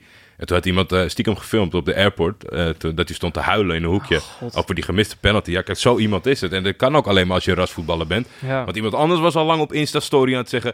Ah, too bad. Next week, new match. Je kunt me kiksen winnen. Great job, boys. maar eh, ik had nog iets anders. Of, nou, kijk, als je dit wil, wil, wil lezen, dat kan dus. Het kan zelfs gratis. Je, je kan dat lezen op vi.nl slash neutrale kijkers. Ja. Dat is onze, onze, onze eigen link waar Onze we iedere link. week een eh, gratis een VI Pro artikel weg mogen geven. Als je dat nou een heel leuk stuk vindt om te lezen, dan eh, kan je ook overwegen om abonnee te worden. Ja, Eh. vele, vele zijn jullie... Nou, Of tenminste, als je het nog niet hebt, zijn vele jullie volgegaan. Ik, ik zou zeggen, ik, ik, ik was dus vandaag op de verjaardag van mijn zus en ik sprak daar mijn, vader ook. En mijn vader vertelde mij dat hij VI Pro abonnee was geworden. Goed zeg. En dat hij ook even, en dat vind ik wel fijn, even had aangegeven dat het via ons was. Ja, dat via kan ons dus was nu, hè? gekomen. Ja, doe dat vooral. Dus als je abonnee wordt, zeg dan dat het door ons komt. Dat is Ja. fijn. Dan, eh, dan hebben wij een, eh, een grotere hefboom als Kan ik, tegenover Pieter jaar, eh, staan. kan ik volgend jaar meer eisen? En daar, daar gaat het uiteindelijk allemaal om. Geld. Geld. Geld. hey, ik had nog iets anders bizars gevonden over Oh. Cazorla. Want ik, ik, ik dacht dus inderdaad, toen ik die wedstrijd had gezien, ging ik een beetje graven van wat was dat nou ook weer met die gast. Maar ik ben erachter gekomen, hij heeft een hond die Zlatan heet. Oké. Wist je dat? Nee, dat wist ik niet. Mensen die hun honden vernoemen, dat heb je, je hebt wel meer van die voetballers toch met allemaal... Messi. Kane heeft volgens mij, eh, ja, Messi. Maar Kane heeft ook twee honden vernoemd naar twee American voetballers. En dan ging het dan weer over Houdt, eh, houdt Kane van eh American football? Nou, ja. Dat doet, als, als dat zo is, dan is het heel subtiel. Jezus. Maar ja, hij wil natuurlijk hij wil nog een keer Hij wil kikker, worden. worden, ja. Nou, dat moet hij vooral doen. Lijkt me wel lachen. Maar Zlatan, jij, ik, waarom ik erover begin is eigenlijk omdat jij weer zat op te winden over Zlatan. Nou ja, Of nee, zat die ik, nou, ik zat me niet zozeer op te winden, maar ik, ik wilde iets, iets bij jou neerleggen. Want ik, ik zag, Je hebt medelijden. ik zag een filmpje voorbij komen vanuit de MLS. Dat was een soort van mean tweets, maar niet mean tweets, maar gewoon reacties Mhm. die, die, met een hashtag die hij ging voorlezen. Dat was echt wel ongemakkelijk. En iets later las ik, eh, las ik op VI dat hij had aangegeven... eh, ik wil niet te kritisch zijn, anders gaat de MLS me straffen. Maar aan de andere kant ben ik de MLS, dus maak je maar geen zorgen. Hij heeft natuurlijk die act. En Ja. die, die is... Ja, daar ben ik Die van. is best wel lang leuk geweest. En als iemand het kon doen, dan kon hij het doen. Ja. Maar het is toch ook een keertje klaar. Het is een beetje alsof je, alsof je van jezelf een meme hebt gemaakt en die dan op, eh, op, op internet zet. Weet je wel? Dat je van jezelf memes aan het maken bent. Dat Ja. is wat Slatan Ibrahimovic doet. En al, al heel erg lang. Ik ben het ook echt een beetje. Het, er- zijn, er zijn heel veel voorzetjes altijd werden er gegeven. Ja. Die hij dan mooi inkopte. Maar nu geeft niemand die voorzetten meer. en mist hij het een soort van. Dus gaat hij het zelf doen. Het is Ja. echt... Het is klaar, Hij doet zelf de setup. Ja, echt. Ja. Please, stop ermee. Dus hond van Cazorla, kap daarmee. kap daarmee. Eh, in de categorie Peter Buurman. Pedro Brazao maakte dit weekend zijn debuut voor Nice. Ze verloren 0-1 van Cannes. Pedro viel drie minuten in na de 0-1 en kon het niet meer recht zijn. Maar wat is er nou zo grappig aan Pedro, Pedro? Brazao, ja. Pedro is 16 jaar en drie maanden. Zo. Hij is geboren in 2002. In deze eeuw. Toen had ik al een baard. Zo, maar dat is jong zeg. Is dat, Hij is eh, de jongste speler eh, van de top 5 competities eh, die speelminuten heeft we, gemaakt. het hier, we hadden het hier eerder. Ik ben al, ik- we hebben het al een hele tijd niet over hem gehad. Hij het bestaat niet meer. Nee. Hij is ook gedebuteerd, gedebuteerd met een doelpunt. Toen scoorde hij de volgende wedstrijd niet. Maar dat, dat was een, een prof van 14 in, in Ja. Zuid-Amerika ergens. Maar die hebben we afgeschreven, want die, die, die, die, die redden het uiteindelijk toch niet. Ik zie nog wel hoop voor Pedro. Pedro Brazao, 16 jaar. Ja, dan mag ik wel vaart maken met eh debuteren als ik nog de jongste wil worden. Eh, ja, toch. Nou ja. oké, Stukje dit- niet neutraal? ja, Of ja, we ontkomen Ja, er toch niet aan. Nee, toch, ja, het, het gaat in het hele land al. Ik zou Maar ik bedoel, hier mag het ook... aanraden. Een stukje vandaag ge- gelezen van eh, Frank Heijnen. Een leuke opsomming over eh, Ajax. En eh, acht misverstanden, geloof ik. Ik zal Oh, ja. even lezen bij HP de Tijd. Maar inderdaad, het gaat al... Iedereen, want soms niet heel veel bij ons, maar ook wij zijn een voetbalpodcast. Ja. Uiteindelijk. Dus ja, het hele land heeft het erover. Ajax heeft ja. Juventus uitgeschakeld. Het ding is eigenlijk, wat toch een beetje door mijn hoofd ging terwijl Ajax Juventus aan het uitschakelen was. Kijk, toen wij neutrale kijkers begonnen, lag het Nederlandse voetbal op zijn gat. Weet je wel? Oh, nee, hè? Oh, nog- nee, we, hadden, Peter. we hadden een diepe, diepe crisis hadden we toen. Nee, maar ik wil het niet, ik wil het niet claimen. Oh. Maar wat er door mijn hoofd ging is eigenlijk van ja, kijk, wij begonnen in de hoogtijdagen van het, van het neutrale kijken. Mensen hadden zoiets van ja, ik wil op zich wel voetbal zien, maar ik heb geen zin in het Nederlands voetbal. Daar waren wij er. En dan, en dan is eigenlijk sinds wij begonnen zijn, zijn ze om ons dwars te gaan zitten, opeens allemaal heel erg goed gaan voetballen. En dan, en dan moeten wij in een podcast die neutrale kijkers heet, moeten we dan over, over Ajax gaan hebben. Ja. Nou ja, maar dat is, dat is nou eenmaal zo. Ja, ik heb het wel zitten kijken en eh, ik bedoel, dit ging natuurlijk een beetje door mijn hoofd, maar het gevoel dat vooral overheerst, en volgens mij heb ik het hier al eerder gezegd, is dat ik ben gewoon, mijn hele leven heeft mijn vader tegen mij gezegd, en ook mijn ooms en zo, die zeggen, oom Paul heeft dat ook gezegd van, Peter, 1995, dat ga je nooit meer meemaken. Santiago, in Santiago Bernabeu, Ja. bij Real Madrid. Staande ovatie. Staande ovatie. Ja, zeg maar, en dat nu eigenlijk elke keer dan doordringt van, oh ja, maar we zijn het, ik ben het nou wel aan het Ja. meemaken. Het kan dus gewoon wel. En ook voor je gevoel een beetje uit het niets, omdat je ook dat gevoel had in het Europa League seizoen, dacht je, ja, nou nooit meer. Daar, daar, had, daar had ik wel vandaag, een, een, of, of tenminste deze week, een, ge- een gedachte over. In de, in de laatste paar seizoenen van, eh, in- rondom FC Buitenland. Ja. Toen ging ik heel erg in de rol van eh, dat de Champions League saai was. en dat eigenlijk Was de, ook natuurlijk. de Europa League gewoon leukere affiches had voor, voor eh, voetballiefhebbers die een goede pot voetbal zien. Ja. Maar als ik even kijk naar het contrast, kijk, als je zelf meedoet, is het toch wel totaal wat anders. Ja. En ik, ja, je moet echt, het is echt ongelooflijk, want dit heeft natuurlijk heel lang op zich laten wachten. Maar ik zat dan nu met een soort denigrerendheid de volgende donderdag naar, naar de Europa League potjes te kijken. dat twee jaar geleden was het een wonder dat je de finale had, maar de tendens is gewoon heel anders. Het voetbal is anders, Ja. het formaat is anders. Nou, het is natuurlijk wel een hele leuke Champions League deze keer. Hè? Daar kan je je misschien een beetje achter verschuilen. Ja. Het zijn allemaal voetballende ploegen die nu in de halve finale staan. Er staat geen... eh, Laten we hopen dat het een ommekeer is. eh. Eh, nou ja, ja, ja, kijk, het enige wat je kan hopen eh, eh, is natuurlijk, kijk, Ajax schakelt Juve uit. Mhm. Waardoor Juve wordt in eigen land een beetje op halve kracht kampioen. Ja. Of ja, halve, kra- weet je, ik zie die wedstrijden niet. Maar met zo'n straatlengte, dat is wel een enorm verschil. En dat dan eigenlijk hun seizoen... Ze moeten gewoon de Champions League winnen. Ze, daarom halen ze Ronaldo ook. Dat is wat ze graag willen. Maar hun seizoen wordt uiteindelijk beoordeeld op twee wedstrijden tegen Ajax. En nu zijn er natuurlijk allemaal mensen die zeggen... eh, het seizoen is mislukt. Terwijl je wordt gewoon in twee legs... Ik bedoel, het kan ook twee... Kijk, nu is het terecht dat Ajax van ze wint. Maar het kan ook gewoon twee keer zoals Paris Saint-Germain... die een beetje in dezelfde situatie zitten... kan het kwartje gewoon twee keer precies de verkeerde kant opvallen. En dan heb je weer een mislukt seizoen. En dan moet je weer doodvervelen in je eigen land. Ja, maar dat, dat, dat is ook gewoon als je. Maar wat, wat- die clubs uitstralen op de Ja. duur. Maar dat is ook logisch, omdat het, het, andere is gewoon bijzaak. Dat moet even gedaan worden om dat andere te proberen. Ja, maar en dat je- andere proberen, Ja. daar ligt zo de focus op dat dat ook gewoon. Volgens mij is dat ook gewoon een factor waar het niet lukt. Maar- het lukt City ja. niet met, met die, die iedereen van het kastje naar de muur spelen met fantastisch voetbal, bla bla bla. Ja. Paris Saint-Germain die, die gooit er het zakken met geld tegenaan.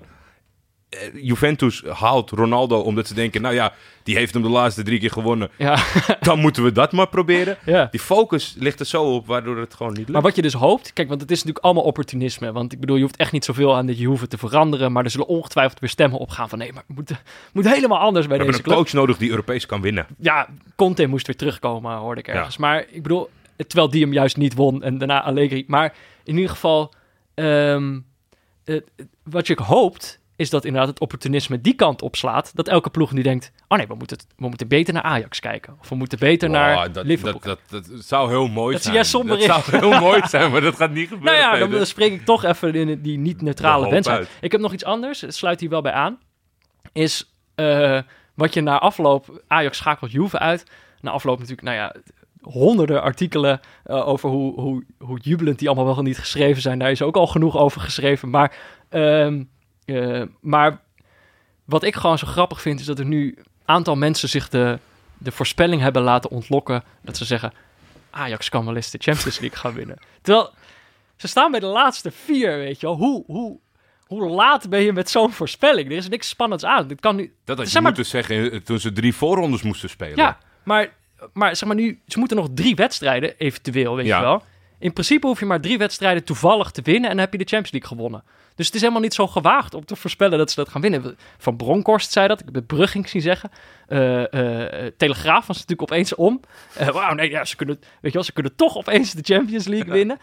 De voorzitter van Juventus heeft het ook gezegd. En ik, ja, ze- dat is echt een voorspelling van niks. Nee, Ben er dan wat eerder mee. Eens. Ja, dus ik bedoel, ze- tuurlijk kun je de Champions League winnen als je Real Madrid hebt uitgeschakeld en Juventus hebt uitgeschakeld. De saaiste voorspelling die er is. Met je eens. Weet je wat ook een saaie voorspelling is? Nou? Dat Vitor Oliveira vanuit de tweede divisie in Portugal naar de eerste gaat promoveren. Wie, wie is dat? Wie is... Vitor Oliveira, dat is eh, eh, eh, een Portugese oefenmeester van 65 jaar oud. Mhm. Met een, met een, ja... Ik, ik, ik, ik, vind dit een fijne uitstraling. Ik heb een foto voor jou in het draaiboek gezet. Ja, mag ik, als ik even de woorden van de, eh, eh, eh, de Blanke Bogarde mag lenen, is dit een beetje de, de bootleg Scolari? Nou, Zo ziet hij eruit, wil ik zeggen. ja, ik, vind- ik, ik vind dit een, een... Scolari die een paar jaar onder een brug heeft gewoond. Ik vind hem een hele lieve uitstraling. Volgens mij is het, is het gewoon een, een lieve opa die af en toe heel boos kan worden op zijn op zijn selectiespelers. Maar hij is de, de, de Portugese meester in het promoveren. Hij heeft dat al elf keer gedaan. Elf keer. ja, hij is, Dus- de, hij, hij is de Portugese Ruud Brood. hè? Ja, of wat ook natuurlijk kan, is dat hij elke zomer thuis zit. Die selecties die doorkomen, zeg maar, zijpelen van de tweede divisie. Dat hij steeds de sterkste pakt. En dan zegt ja jongen, kijk, heb ik het weer geflikt. Maar ja, hij heeft altijd de wens uitgesproken om, eh, om, om bij de topclubs eh, van Portugal eh, een kans te krijgen. Maar dat, dat zal er niet meer Die in zitten op deze leeftijd. Hij heeft die kans al zo, hij heeft die kans zo weinig gekregen dat hij al elf keer is gepromoveerd met, een, met een andere club. Of degradeert hij ook steeds weer? Nee, volgens mij niet. Oké. Maar volgens mij is het gewoon een, eh, een jobhopper. Ja, maar het is natuurlijk, Ruud Brood is dat toch ook? Die, die kan toch ook alleen maar promoveren met clubs? Eh, hij, kan in- hij gaat nu in ieder geval degraderen. Ja, Ja, eh, volgens mij is, weet het ook wel zo'n Hans de Koning. is ook wel zo'n promotie eh Ja, onder in het Nederland. is leuk. Het, het, is- dit zal vast een uniek talent zijn. En het is vast niet eh 1, 2, 3 te vertalen naar het leiden van de topclub. Maar het is wel, ik vind, eh, ik, ik kende hem nog niet. Nee. En, eh, Kende jij wel de Drake-vloek? De ja, nou ja, we hadden het net natuurlijk over de Auto.nl Speler van de Week vloek. Ja. Eh, maar ik kende de... Drake kan er ook wat van. Met intense gevolgen. Ja, Drake- ik leerde hem dus pas kennen toen Kurzawa Ja, van Paris Saint-Germain met hem op de foto was geweest. Die was bij een concert van Drake geweest. Hij is nu bezig met zijn Europese tour, volgens mij. Of, eh, of hij- Drake is, Drake is een, een hartstikke goede artiest. Maar volgens mij een, een hele vervelende ja, die, nou ja. die altijd op zoek gaat naar mensen die al iets hebben gewonnen om daarnaast te poseren, zeg maar. Hij wil, hij wil heel graag... Ik denk, je bent zo'n grote wereldster, dan hoef je toch niet steeds met iedereen op de Maar foto te andere gaan. mensen willen toch ook heel graag met hem op de foto? Ja, ik- het, het komt, het komt bij hem vandaan. Want als jij oh, al die shirtjes gaat kopen en bestellen... Wil er nog iemand op de foto? Nee, maar hij heeft ook altijd heeft hij dan eh, een shirtje aan eh, om, om de verwijzen, zeg maar, dat het wederzijds is of zo, eh, om het te ja. laten zien. Ja, ja, ja. ja. Dit is, natuurlijk- dat maakt hem sympathieker, zou je zeggen. Maar die Drake-vloek is niet zo sympathiek, want iedereen die dus met hem op de foto gaat, verliest steeds daarna. Ja. En eh, waarom het denk ik bij Kurzawa pas op, op mijn, eh, op mijn radar kwam, was omdat Paris Saint-Germain natuurlijk eigenlijk al lang kampioen had moeten zijn. Ja. Maar sindsdien maar bleef verliezen. We hebben natuurlijk al meer gelachen om Tuchel hier. Maar ehm, ja, Kurzawa, maar wie, wie ging hem allemaal dan nog voor? Wie hebben nog meer die vloek gehad? Aguero uitgeschakeld door Tottenham natuurlijk. Eh Jadon Sancho kreeg een Oh ja, klopt met 5-0. 5-0 van Bayern München. Aubameyang met Arsenal uitgeschakeld. Pogba met United uitgeschakeld. Dus eh, het, le- het leek serieus te zijn. Net als zo, zeg maar, de beginnende start van zo'n VK-dier. Ja. Een octopus die drie keer per ongeluk Octopus Drake. Octopus Drake. En, eh, maar dan is daar, ja... eh, Hij is verbroken, de vloek. Onze, onze redder van de natie, die ook gewoon tegen vloeken ingaat. Ja, En dat is eh, Memphis. ja Memphis die ging gewoon voor de wedstrijd. Terwijl die er al zo lekker op staat de laatste tijd bij Lyon. Ja. Naar een concert in Amsterdam van Drake. En kwam terug. Scoorde. Lyon won. Ja. En maakte nog een knipoogje van... het was gezellig bij Drake. We, gaan, we zijn nu toe aan het blokje verder nog wat stoms. Ja. we het hebben over stom nieuws. Jordi, is er verder nog wat stoms? Is kampioen officieel. Kylian Mbappé was gisteren on fire. Mhm. Met een hat tegen zijn eh, voormalige club eh, Monaco. En eh, zo werd de titel. Oh ja, hij ging niet juichen, toch? En hij ging nu heel erg ingetogen juichen. Ze speelden allemaal met de Notre Dame op de, op de rug. Ja. Ik, ik ging twee keer knipperen bij het doelpunt dat ik voorbij zou komen. Ik zeg, die grote naam Notre Dame, dat is toevallig deze week. Heeft hij nou de dom? Hij heeft de dom op zijn shirt. Maar dat, eh, nee, dat... eh, nou ja, sym- sympathiek van ze. Dat was natuurlijk wel iets wat er in die, in die stad gebeurde. Maar het stomme is, natuurlijk voor mij persoonlijk in ieder geval... Ze verloren steeds maar weer die wedstrijden. Ik Ja. toch stiekem ergens toch begon te hopen van... ja, het zou wel leuk zijn als het nog zo lang wordt uitgesteld. Maar ik had het gevoel, waren ze niet voor die wedstrijd al kampioen? Omdat Lille was natuurlijk hun grootste... ja, eh, precies, maar dat, dat was een dag ervoor. Maar ze speelden thuis tegen Monaco, dus alle festiviteiten en dat soort dingen. Dus Maar ze waren dus al ze waren voor de wedstrijd Maar dat, dat vind Dat ik dan gun je dat, eh, ja, dat ja. vind ik dan ook al lekker. Dat ze dan niet zelf kampioen zijn geworden, maar door een uitglijder van de ander is natuurlijk lullig voor Lille. Maar ja, dat, eh, zo, zo Ja, maar gaat daar, het. daar hebben we misschien in Nederland, vlak voordat wij de studio instapten, het beste voorbeeld van. Zojuist is FC Twente kampioen geworden. Ja. geworden. Omdat gefeliciteerd de gemeente van Twente. Toch niet allemaal voor niks geweest, die jaren training Dat en investeringen. Ja. Eh, maar die zijn kampioen. Die moesten thuis tegen Jong AZ. Ja, Nou, dat, eh, dat was eh, niet, niet makkelijk. het zijn de wedstrijden waar je zat van natuurlijk veel spanning op. en uiteindelijk zijn ze kampioen geworden volgens mij, omdat Sparta verloor. Oh ja. Die maakte een uitglijder. Dus het was helemaal niet... ze hadden zelf moeten winnen voor de titel. Dat lukte niet. En dat is ook wel dan zo'n beetje... Maar Ja. volgens mij had niemand Maar Juve had een beetje hetzelfde natuurlijk als PSG.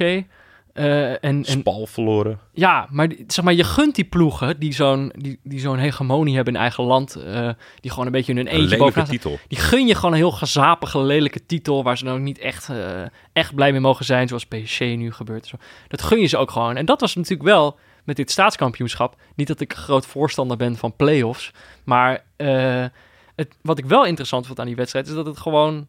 één van die twee wordt kampioen. Het is niet dat Ajax de kampioenswedstrijd speelt... tegen de Graafschap die al nergens meer om speelt. Nee, Snap je? Dus, dat zijn, dus de belangen zijn hetzelfde of zo. Wel, dat het wel echt meer een soort... ja, maar dat, dat, is, dat is natuurlijk een, een hele moeilijke situatie... om in de traditionele competities te creëren. Omdat je niet kan zeggen van... we laten nummer 1 en 2 eh, spelen voor het echi. Want Ja. in het geval van Juventus moet je dan nog strijden. En dan kan je een beetje pech hebben tegen iemand met 18 punten minder dan jij. Ja, Dus dat is wel gewoon een probleem. Maar ik snap het, want uit zo'n co- constructie is altijd mooi. Ja, Maar ik vind PSG is voor mij gedurende dit seizoen toch wel uitgegroeid tot een van de onsympathiekste ploegen die Ja, ik ken. en dat is echt wel... Ik weet je wat ik moet zeggen? Hier aan toevoegen, dat is echt knap. Want ze hadden al helemaal geen sympathie. en waarschijnlijk is het Tuchel in zijn eentje Ja. die het nog veel erger heeft gemaakt. Dat hij de slachtofferrol is gaan opzoeken, vind ik echt Maar onbegrijpelijk. het is Ik zo knap. Peter, dat ze kampioen zijn. Uit zeven spelers. Zeven spelers Zeven van tien jaar, allemaal. Maar het, zeg En geen maar, geld. Alles op. het bredere, bredere punt zou dan volgens mij zijn gewoon... Het is gewoon stom dat ploegen op deze manier kampioen worden. Dus je wil gewoon dat er toch iets gebeurt in die Nou ja, competitie. het enige wat wij als neutrale kijkers eh, nog in handen hebben... is dat het ze gelukkig niet lukt om Europees succes... hetgene waar ze zo naarstig naar Ja. op zoek zijn... dat ze dat niet behalen. Ja, dat, is, dat, is, dat, dat maakt het dan nog iets minder stom. Dat maakt het nog een beetje zoet. Als een eh, chocolade kaneel amandel. Mooi gesproken. Eh, wedstrijd van volgende week. Ja, er is iets. Daar is, Ik eh, was weg en er is gelijk een, er is gelijk een rubriek omgegooid. Nou, er is, niet- er is niet zozeer een, een, een rubriek. onge- dus Misschien wel zonder dat jij het wist. eh, werd ik wat, eh, werden mij wat wedstrijden toegesouffleerd. Die wij konden gaan kijken. Er vielen wat wedstrijden van de Ja. vrachtwagen. En dat, eh, dat, eh, dat deed eh, Michiel Jongsma. Ja. En die deed dat heel leuk en heel uitgebreid. En eigenlijk zegt hij steeds van, nou, ik, ga het niet, ik ga het niet steeds zo uitgebreid doen. En het wordt eigenlijk steeds uitgebreider. Dus ik stelde aan hem voor vorige week in de uitzending van, Ja. eh Jongsma, het is zo leuk, zouden we, weet je... Want hij doet ook wel, hij doet wel gekke. eh, Hij, doet, hij, hij weet waar wij naar op zoek zijn. En vindt in die wedstrijden ook nog eens linkjes wat het zeg maar een verhaal eh, ja, maakt voor ons om naar te ze kijken. heeft een goede neutrale kijkersblik. Ja, Maar jij wil, jij wil hem gaan inschakelen dat, het voortaan, dat hij voor ons de wedstrijd uitkiest. ja eh, en, of tenminste, hij gaat, hij gaat wat opties geven waar dan wij uit kunnen kiezen. En of wij dat zelf doen of in, in samenspraak met de, met, de, met de supporters, wil ik zeggen, met de luisteraars.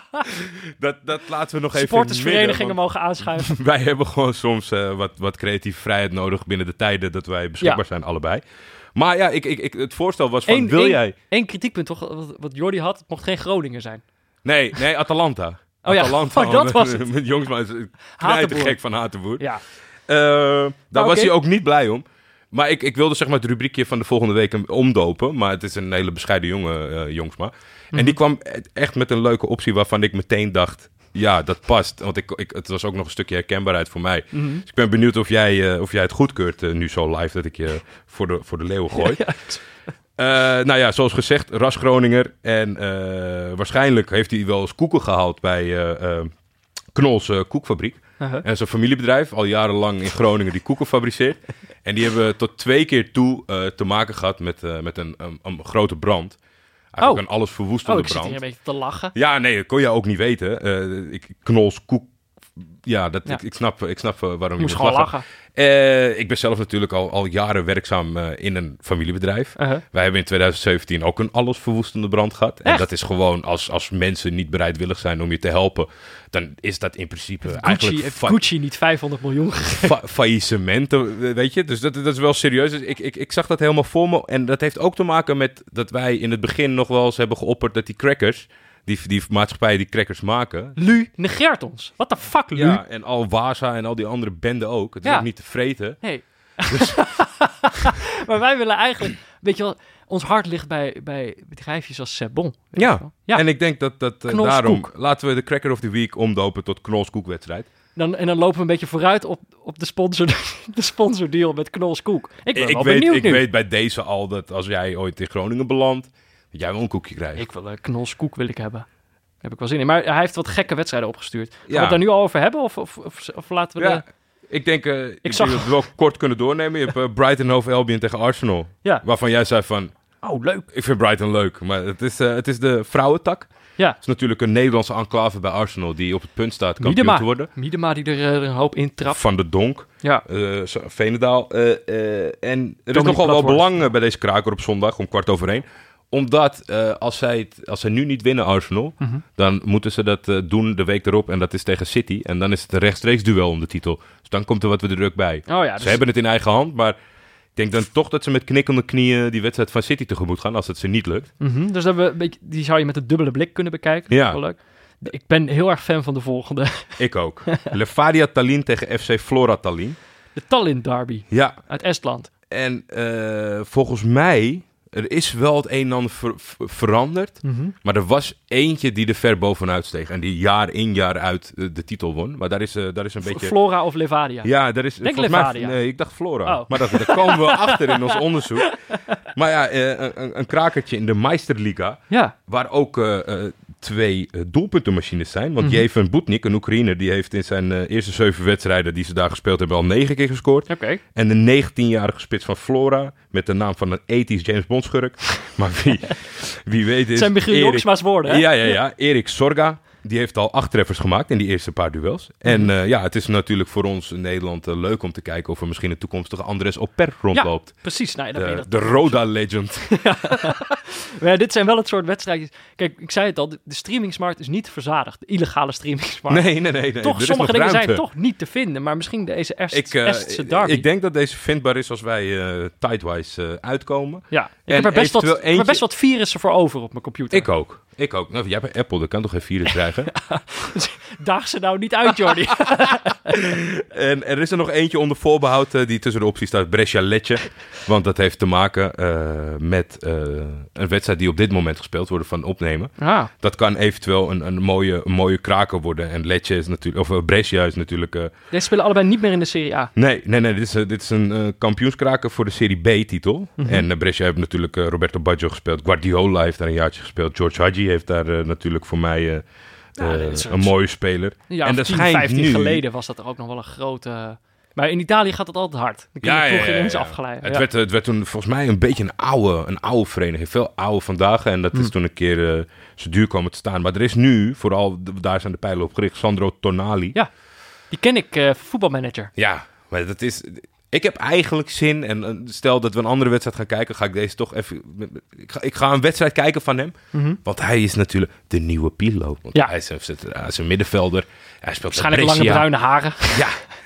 En ik wil, dat dop- ik wil die, die, die, ik wil dat, die bijnaam doorprikken. Ja. Oh, Ik wil gewoon, ik wil gewoon hem zien en dat ik zeggen, denk, in, dit eh, lijkt helemaal nergens op Pirlo. in voetbalmanager is het, is het, eh, klopt het wel een beetje. Hij Hoor. is goed. Of is hij ook gewoon...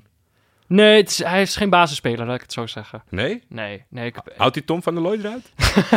Of staat hij Oh, voor nee. hem? nee, dit is... Nou, god. Nou, misschien moeten we dit eh, bewaren voor een andere aflevering. Om Hoe, mijn FM wat gaat het goed met Tom?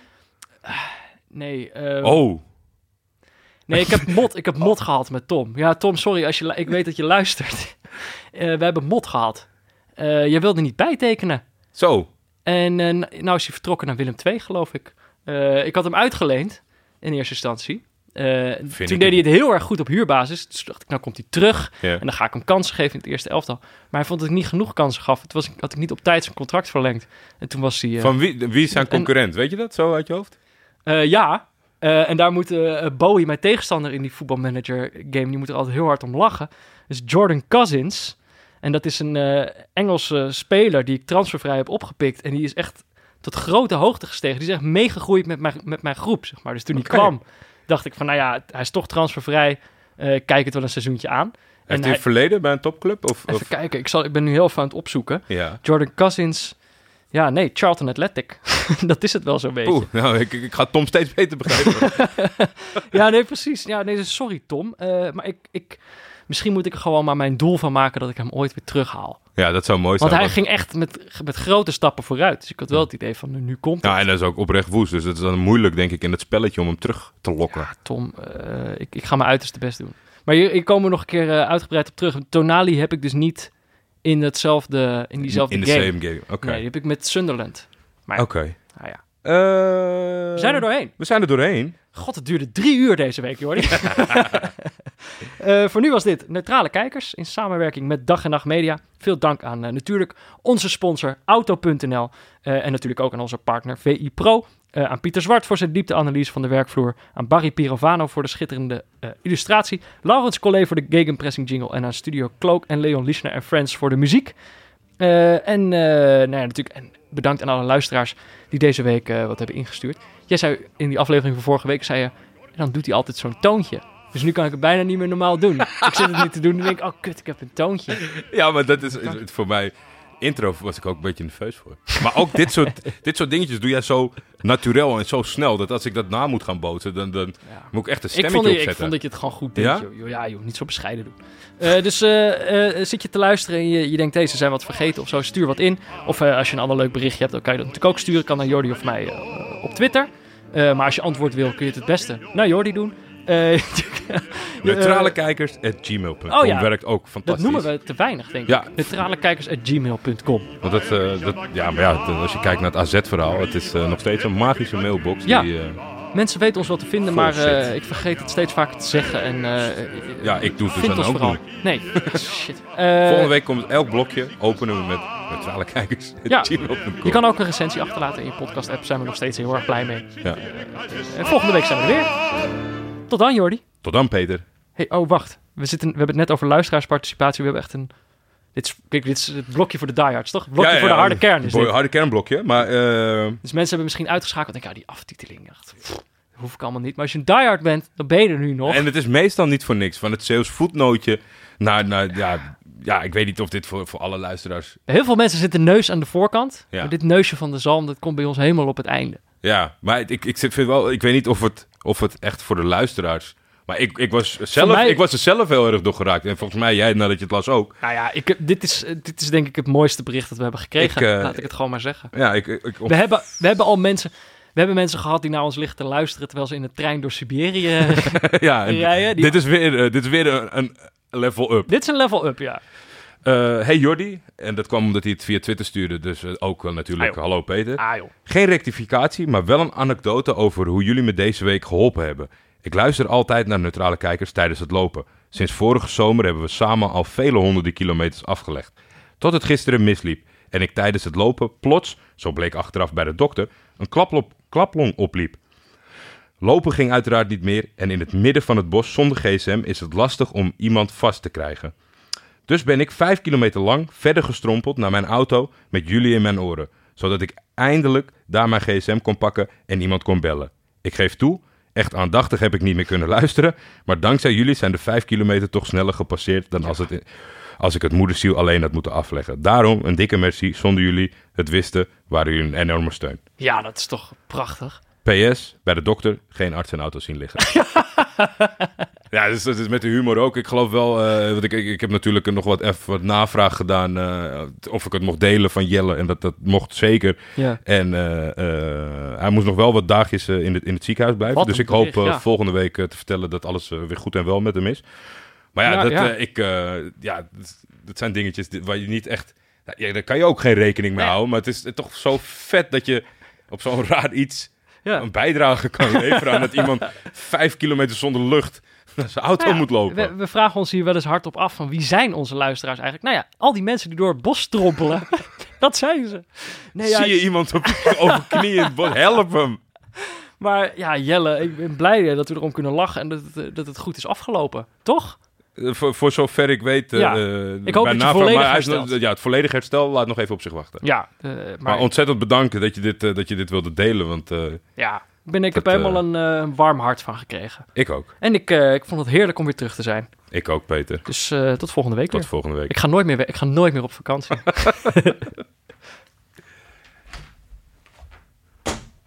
Hoe lang zou het zijn?